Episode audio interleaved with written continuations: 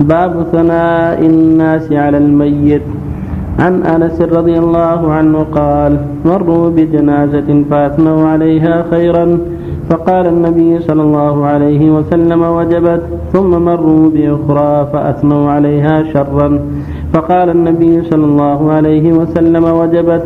فقال عمر بن الخطاب رضي الله عنه ما وجبت؟ قال هذا أثنيتم عليه خيرا فوجبت له الجنة وهذا أثنيتم عليه شرا فوجبت له النار. أنتم شهداء الله في الأرض. متفق عليه. وعن أبي الأسود قال قدمت المدينة فجلست إلى عمر بن الخطاب رضي الله عنه فمرت بهم جنازة. فأثنى على صاحبها فأثني على صاحبها خيرا. فقال عمر وجبت ثم مر بأخرى فأثني ثم مر. ثم مر بأخرى فأثني على صاحبها خيرا. فقال عمر وجبت ثم مر بالثالثة فأثني على صاحبها شرا. فقال عمر وجبت قال أبو الأسود فقلت وما وجبت يا أمير المؤمنين؟ قال قلت كما قال النبي صلى الله عليه وسلم أيما مسلم شهد له أربعة بخير أدخله الله الجنة.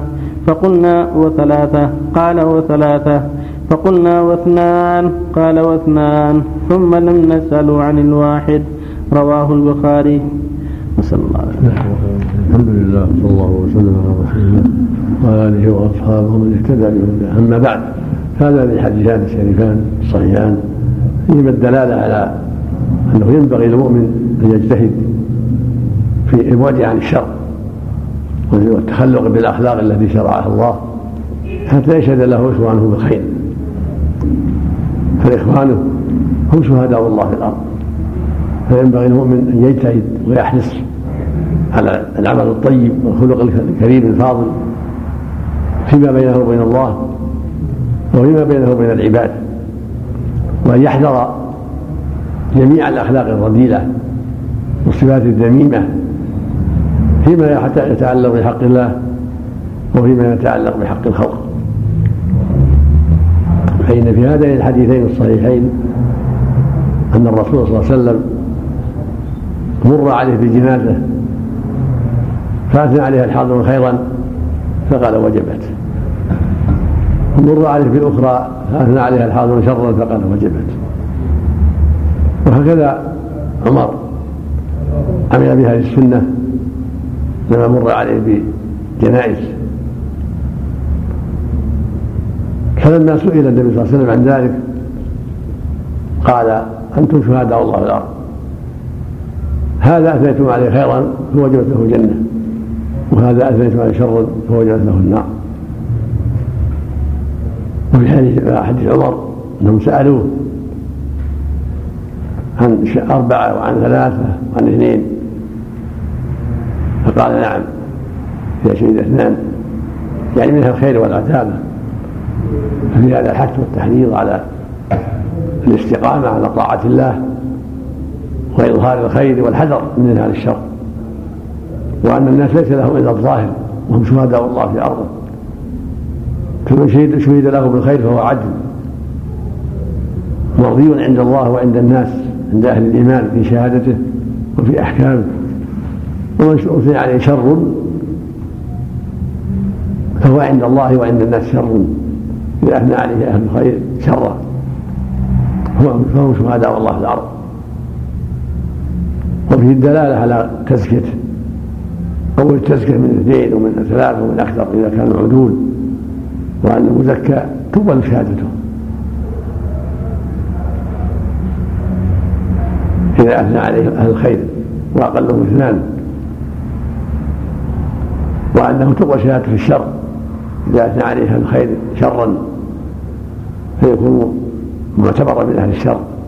لا تقبل شهادته ويعامل معاملة أهل الشر. رزق الله الجميع التوفيق والهداية ولا حول ولا قوة إلا بالله. الله كيف الجمع بين هذا وبين قول الرسول صلى الله عليه وسلم لا تسبوا الأموات فقد افضوا إلى ما قدموا. هذا ما فيه ما فيه سب لهم إخبار عما جرى عما عرفوا من ما أعلن مما أعلن. يعني مما هو معروف عند الناس. لأن الرسول صلى الله عليه وسلم ما أنكر عليهم. قال أنتم شهداء الله في الأرض. بخلاف إخراج الكلام السيء على سبيل السب والذم له بأشياء ما عرفها الناس ولا فلا يسب بشيء مستور يفضح إذا بخلاف الشيء الظاهر اللي الناس عرفوه. نعم. إذا أثنى المسلمون على إنسان بخير أو بشر هل يقول يقال وجبت؟ وإذا أثنى المسلمون على إنسان بخير أو بشر. مثل مثل ما قال إذا عرف المثنى المثنى الذي حصل عنده الثناء. أي. وفهم يفهم هذه المسائل هذه يعرف من الحدود هو الوجب وهو بشهادة المعين هذا أحسن الله إليك. هذا قاله جماعة من العلم الشيخ أحمد رحمه الله جماعة قالوا إن إنه يشهد له معين بالجنة حتى قالوا في جماعة أنه من الجنة بهذه الشهادة.